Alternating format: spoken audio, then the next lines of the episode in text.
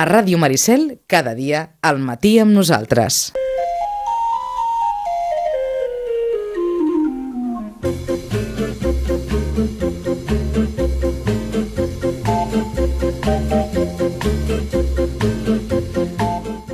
Vinga, 10 i 38, eh, avui doncs, eh, emissió comprimida dels nostres eh, seriòfils eh, perquè tenim només a la, a la meitat de, de l'equip. Hi ha la meitat de l'equip que, que bé, que està indisposada. Eh, Camil, millora't i que això, d'aquí un parellet de setmanes ja puguem comptar, comptar amb ell, res greu, eh? res greu, però, però bé. Avui només tindrem amb en Nacho Zubizarreta. Nacho, bon dia. Hola, molt bon dia.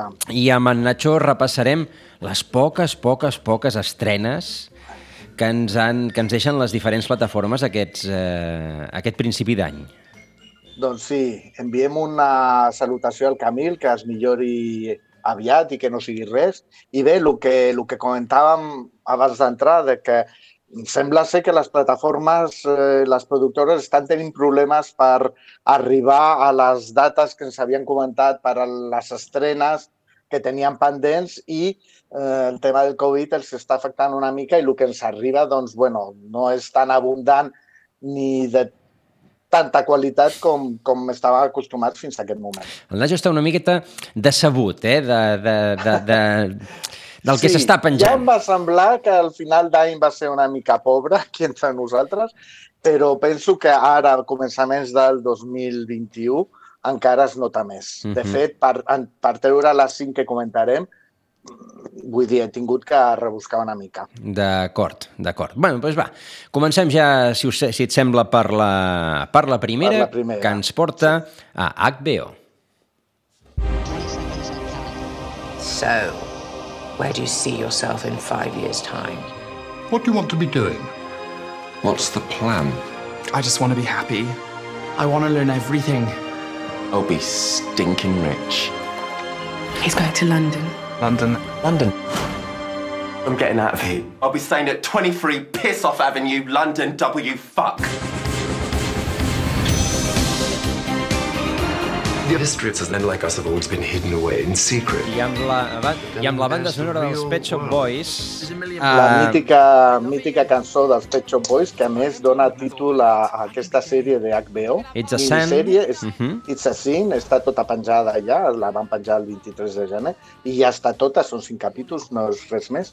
I és, eh, parla d'un grup d'amics eh, gais, eh, anglesos, que coincideixen a Londres per poder viure la seva eh, vida d'una manera més lliure en el moment que arriba la sida, no?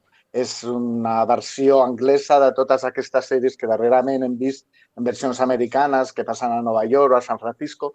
Doncs, bueno, doncs el, el Russell T. Davis, que és el creador de sèries mítiques com Queer as Fall o la meravellosa Years and Years, ha escrit aquesta sèrie sobre aquest grup de nois que bé, mm, s'enfronten doncs, a la sida en el seu moment més àlgid de les seves vides. No? I és una reflexió bastant interessant. La sèrie, home, toca temes complicats i bastant durs, però ho fa des d'un punt de vista mm, bastant optimista, o almenys no vol fer sang de la situació, sinó donar un missatge positiu. No? I bueno, doncs ja està penjada a HBO des del dia 23 i penso que és bastant, és de les propostes més, més interessants que em- estem tenint aquest 21. Uh -huh. Una minissèrie, cinc capítols, doncs això, narrant aquesta, eh, aquest moment entre, entre el creixement del, del, de, o el reconeixement del moviment gay al, als anys 80, que va coincidir també amb l'esclat de, la, de la sida, que era una altra pandèmia, eh? eh Sí, sí, sí. El que passa que era més complicada i en un principi solament estava doncs, en grups eh, socials més reduïts Mhm. i que després va esclatar i, bueno, fins, fins ara que encara hi ha gent que la pateix, el que Mhm. passa que d'una altra manera. És Doncs- una sèrie bastant interessant. Doncs eh, està penjada des del dia 23... No, perdó. Sí, des del dia Sí, 23, a, 23. a, a HBO, exacte. Uh, vinga, la segona de les estrenes, que és una segona temporada d'una controvertida sèrie. No sé si la primera, la primera va agradar molt, però n'han fet una segona. Escoltem-ho. Snowpiercer is dead in the water. You will comply with Mr. Wilford's demand. or we will disconnect and leave you here to flounder. I want my train back, Melanie. She's not mine to surrender. Then whose is she? Citizens of Snowpiercer. It took us seven long years to cast off Wilford's class system, and now the man is latched onto the tail. King Leighton. No kings here. Snowpiercer belongs to the people now. Your mum I, I la cosa, bueno, va amb un crescendo que, que, bueno, que costa, que costa una miqueta. És, és, és la segona de, de Snowpiercer, aquest, aquest tren que, que d'aquesta aquest, que distopia. creua, creua el món apocalíptic on tot és està ple de, de neu i, I de, de gel. gel. Mhm. De fet, ja ha confirmada una tercera temporada, tot, tot abans que es comencés a emetre aquesta segona, ja van confirmar la tercera. És una producció de la TNT americana que aquí a Europa la, la emet Netflix. I bé, mm, sí que és veritat que hi havia molta expectació amb aquesta sèrie perquè venia d'una pel·lícula coreana i d'un còmic molt celebrats, però la sèrie, bueno, doncs, semblava que no acabava de d'agradar als, als fans d'aquest- d'aquests productes. Però bueno, Netflix continua, és una sèrie protagonitzada per la Jennifer Connelly i parla d'això, d'un tren que no pot aturar-se, que creua el món mm, apocalíptic ple de neu i és un tren molt llarg i en els vagons de davant van les classes poderoses i riques que porten una vida meravellosa i en els, tre els vagons de cua doncs viuen mm, la gent més humil i més pobra, que a més a més és la que treballa i la que alimenta el tren perquè no s'aturi. No? Mhm. Llavors, bueno, doncs hi ha un conflicte, és el conflicte de classes, però dins d'un tren en marxa. Doncs... Més o menys això. Ah. Aquesta temporada incorporen al Sean Bean, que és un actor d'aquests de caràcter que ja havia sortit eh, a Juego de Tronos, potser és el seu paper més conegut, i bueno, doncs apareix, apareix aquest actor fent d'un personatge una mica intrigant també. Doncs la segona de Snowpiercer, des del dia 26 ja està penjada a Netflix, tot i que, eh, mm, a diferència del que fa normalment eh, aquesta plataforma, penja Sí. un per setmana, oi? Sí, perquè com depèn de la productora aquesta TNT americana, doncs com ells van penjant un per setmana, Netflix eh, s'ha tingut que adaptar. De fet, no és l'única, eh? hi ha hagut algunes sèries d'aquest darrere mm, tardor que també les estan penjant setmana rere setmana. Doncs ara la tercera de les propostes ens porta a Filmin i, i allò, agafin-se perquè aquesta, aquesta és dura i, i di- diguem, de, de, de difícil digestió. No es una prostituta, no existe la prostitución infantil. Lo que existe son los abusos a menores. Es parte del trato. Yo te compro cosas, tú me das cosas. Mírate. Das vergüenza, ¿sabes? Lo único que hago es divertirme con mis amigas. Dice que va a violar a tus hermanas y a quemar tu casa. Quiero que vayas a la policía. Ya lo hice. No hicieron nada. Solo empeoró. La infàmia. Eh, el tràiler ja fa esgarrifar. El tràiler ja fa esgarrifar. El títol és exacte, oi? I, i la Sí. temàtica mm, basada en un fet real. Això mateix, és una sèrie anglesa basada en un fet real, és una sèrie del 2017 que va guanyar un munt de, de galardons, entre ells el BAFTA, que és com els Oscars o els Goya d'Anglaterra, i parla sobre un cas real que va succeir a Anglaterra, penso que és cap al 2008, de, que barreja abusos sexuals a menors i racisme. En aquest cas, els abusadors són un grup de pakistanesos que abusen d'unes noies blanques de famílies eh, amb, complicacions socials i pel fet que els abusadors formin part d'una minoria racial, la policia eh, triga molt en ficar-se profundament a aquesta situació. No? De fet, va deixar que passi el temps i bueno, doncs això quan va sortir a la llum va ser un gran escàndal a, a l'Anglaterra. Uh -huh. És una sèrie anglesa que mm, fan aquest tipus de retracte de la societat més crua, sense el glamour que solen tenir les produccions americanes. Ja visualment la veus i és una sèrie lletjota, però això fa que t'arribi molt més el missatge. No? És una proposta, penso, molt interessant de filming i, bueno, doncs, a partir del dia 2 està penjada a la plataforma. Doncs cal tenir una miqueta d'estómac, que entenem per, diguem, per, per, per pair uh, la història que, recordem, és un, és un fet real. Vinga, ens n'anem Són a... solament tres capítols, o sigui Ah. que, bueno, has de tenir estómac, però no Ah, val. molt de temps. Però passa, sí, no, no, no, no cal que es vacunin, simplement que el tinguin. Això mateix. Vinga, ens n'anem a, la, a Netflix, que presenta la segona temporada d'una història que té lloc a Barcelona. H, viniste a dirmi con qué cosa. Quiero volver a Barcelona. La herencia de Malpica. Todo suyo. ¿Volvemos a las andadas? No. Nada va a ser lo mismo. Vamos a montar un laboratorio de heroína. ¿Y cuánto me vas a pagar? Eso pregúntaselo a ella. ¿Y la jefa? Una mujer. ¿Quién lo hubiera dicho? No conozco a muchas mujeres de negocios. ¿Es una visita de negocios? Por supuesto. Elena.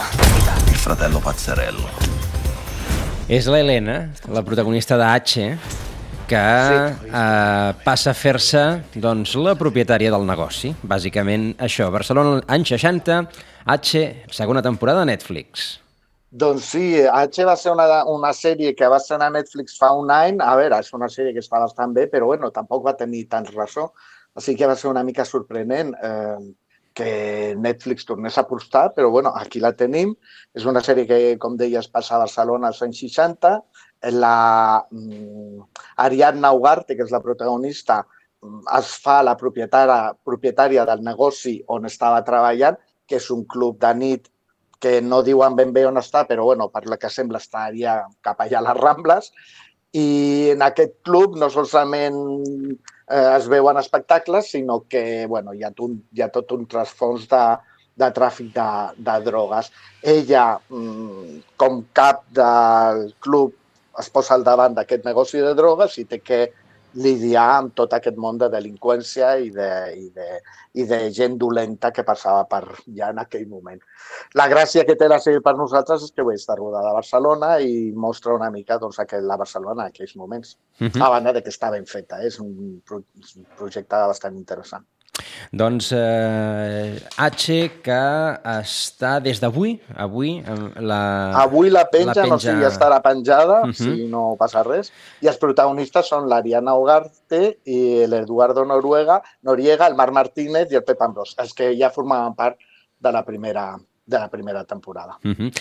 I vinga, la darrera de les estrenes que ens proposa avui el Nacho, i també ha col·laborat eh, una mica el Camil eh, en l'elaboració d'aquest eh, d'aquest guió per avui, eh, ens porta a Movistar, no ens movem de la, del marc de les sèries espanyoles ni del marc de les segones temporades.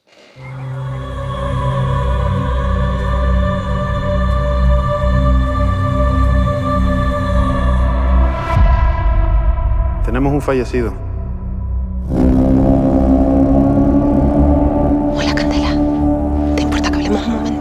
Si no es de la custodia de las niñas, encantada. Díaz, es usted un imán para las complicaciones. ¿Qué está pasando, papá? Aquesta Candela és la Candela Penya, però és la Candela Montes, perquè és, és la jutgessa, ja ho han sentit, amb Canari, és la jutgessa de Hierro, que arriba a la segona Hierro, temporada. Sí. Una jutgessa que envien cap a Hierro una mica, no se sap ben bé, però sembla ser que és com un càstig, i ella ja es troba com un món diferent en una illa molt peculiar. És veritat que, que el fet de que la, la sèrie estigui rodada a la isla potser és el que li dona més, més carisma. Eh, aquesta és la segona temporada. En un principi mm, estava pensada com una minissèrie, o sigui, una temporada i s'acaba, però eh, Movistar va tenir tants bons resultats que han ampliat una segona temporada, aunque ja han dit que ja no hi haurà més. En aquest cas, continua una mica la trama que es va iniciar en la primera temporada, que és la relació, no relació, però sí l'enfrontament que ella té amb un empresari canari eh, que es diu Díaz, que bueno, no és de tot net i, i entre ells es crea una situació així com de, vale, doncs no em confio en tu, però em sent molt, em sent molt atret, o sigui, una cosa una mica així tèrbola, i com a segona trama, doncs, un divorci entre dos personatges molt importants de la illa que es divorcien i l'enfrontament que tenen per les seves filles doncs acaba molt malament i acaba dividint una mica la illa i la jutgessa Candela Montes, Candela Penya, doncs té que prendre decisions eh, que marcaran la resta de la seva vida. Doncs... Aquí ho deixem. Déu-n'hi-do. Hierro, la segona i darrera temporada d'aquesta eh, interessant sèrie, que interessant proposta de, de Movistar. Es eh, penja... A partir del dia 19. El... Aquesta encara hem d'esperar una miqueta. Vale, És encara- a partir del dia 19 de febrer. D'acord. Doncs eh, fins aquí les propostes. Nacho, tenim 5-6 minuts per, per repassar més o menys què ens, eh, què ens porta aquesta, aquest any. Eh, heu fet una, una certa llista. Sí. Uh, no sé si destacar-ne alguna o, o les vaig dient. Què et sembla? Mm, si vols començar... A veure, les més interessants potser són les darreres. Uh -huh. Mm, o comences Bé. de mitjà cap, a, cap al final. Vinga, començo, o- començo per l'última. Fundación. Vale, sí, aquesta és una sèrie de la que es ve parlant fa molt de temps. De fet, abans de que Apple apostés per aquest tema, eh, que és la, la, les novel·les mítiques d'Isaac Asimov que va escriure a principis dels anys 50 i després va continuar durant tota la seva vida, ja s'havia parlat molt de, de portar aquesta, aquesta història al cinema, però no s'havia concretat en cap moment perquè és una, evidentment, siguent d'Isaac Asimov és ciència-ficció, però no és una ciència-ficció de batalles ni de lluites com podria ser el que s'estila, que és Star Wars o Star Trek, sinó és una ciència-ficció més filosòfica, no? Llavors, bé, no, no li veiem gaire sentit comercial fins que Apple ha vingut, ha apostat fort i tot i que no saben quan s'estrenarà perquè no ho han dit, sembla ser que serà cap al març, abril, que és quan molta gent tindria que renovar la seva subscripció a la plataforma de la, de la Poma. Uh -huh. Sembla ser que aprofitaran per llançar en aquell moment. D'acord. Fun- Fundació la tindrem d'aquí no res. Uh, El Señor de los Anillos. També sèrie de la que estem sentint parlar des de fa anys, la megaposta d'Amazon Prime per consolidar-se com a plataforma eh, d'entreteniment, una sèrie en la que Amazon ha invertit mil milions de dòlars per cinc temporades, el que suposa, mm, si ho fem així, eh, matemàticament serien 200 milions d'euros per temporada, el que la posa en les sèries més cares de la història de la televisió. Eh, tenim en compte que eh, Joc de Trons eren 150 milions per temporada i de, i The Crown són 120 milions per temporada. bueno, total, un munt de diners, una sèrie que ens porta a l'univers del Senyor de los Anillos, però no amb la història que coneixem de l'anell, el Gollum i el, el Frodo, sinó abans, en el moment en què el senyor Fosc va crear aquest anell, no? per sortir una mica de lo que tenim de les pel·lícules que són bastant recents. Sembla ser que l'estrenaran al llarg d'aquest any, però encara tampoc sabem ben bé la data. Uh, I ho farà Amazon Prime. Uh, Amazon Prime. American Crime Story Impeachment. Sí, American Crime History és una franquícia que té creada el Ryan Murphy, on a cada temporada o cada cop que la fa, perquè no són, no són sí que són periòdiques, però no tenen un, una periodicitat concreta, toca un cas mediàtic eh, a nivell, sobretot, eh, judicial als Estats Units. Va parlar del, del famós O.J. Simpson en la primera temporada i de l'assassinat del Gianni Versace en la segona temporada i en aquesta tercera temporada, que ja estrenarà a Netflix, perquè recordem que Ryan Murphy té un megacontracte assignat amb Netflix eh, i va, totes les seves produccions van a parar allà en aquest moment, parlarà de l'afer Levinsky a l'època del Bill Clinton. Uh -huh. Eh, com la sèrie està protagonitzada per a la Sarah Paulson, que és una de les grans, bueno, és una de les estrelles que sempre eh, treu el Ryan Murphy i el Cuba eh, Golding Jr., que ja va sortir a No J. Simpson, i comptarà amb l'aparició estel·lar de la pròpia Mònica Levinsky, que no sé si farà una recreació dels seus moments estel·lars, penso que no, però, Ara. però bé, home, Levinsky ara ja té una edat, suposo que farà ja alguna cosa, però bueno, té aquesta particularitat. Eh, les dues primeres temporades estaven molt bé i tothom té, espera amb moltes ganes el que, lo que sortirà d'aquesta tercera, l'impeachment. Doncs uh, Resident Evil. Bueno, Resident Evil és el famós videojoc de Sí. terror eh, Mhm. de la que s'han fet moltes pel·lícules que mai han agradat als, als fans de, de la franquícia de jocs eh, i Netflix ha fet, està fent una sèrie en 3D per recuperar una mica l'es- l'esperit eh, eh, inicial de, del videojoc. Recordem que és un món on el 99% de la gent està infectada per un virus que els converteix en zombis i hi ha dues germanes que lluiten contra, contra aquesta gent. Eh, La sèrie ens arribarà mm, doncs, aquest any. I deixa'm esmentar també, per acabar, 30 segons, Claris. Clarice, Clarice és la Clarice Starling, la eh, noia protagonista de la pel·lícula El silenci dels anyells, el paper que feia la Jodie Foster en el seu moment. Doncs bé, la NBC mm, agafa aquest personatge i la posa un anys després de lo que va passar al silenci dels anyells perquè la Clarice es eh, torni boja trobant assassins en sèrie i psicòpats una mica en la línia de lo que feia l'Aníbal Lecter. La primer, els primers capítols ja estan estrenats als Estats Units, aquí a Espanya encara no se sap ben bé eh, de la mà de qui ens arribarà, però sembla ser que està bastant, bastant bé perquè la sèrie és bastant fosca. D'acord. Hi ha més coses, eh? A qui li va agradar Hermanos de Sangre o de Pacific tindrà Masters of the Air eh, sobre aviadors. A, a Apple, per exemple, també hi haurà sèries sobre els gremlins. És a dir, hi, hi, haurà, hi haurà coses, però bé, ja, ja veurem quan ens arriben. De moment, Ja veurem quan ens arriben. D'aquí dues o tres setmanes- quan ens arribin, a veure si compleixen les expectatives. les expectatives, aquesta és l'altra. D'aquí dues o tres setmanetes eh, eh, tornarem a saludar Nacho. Esperem que ja amb la presència d'en Camil. Moltes gràcies per la tasca. Moltes gràcies a vosaltres, I com fins- sempre. i fins aviat. I, I- que tothom es cuidi molt. Això. I tots cuidem-nos.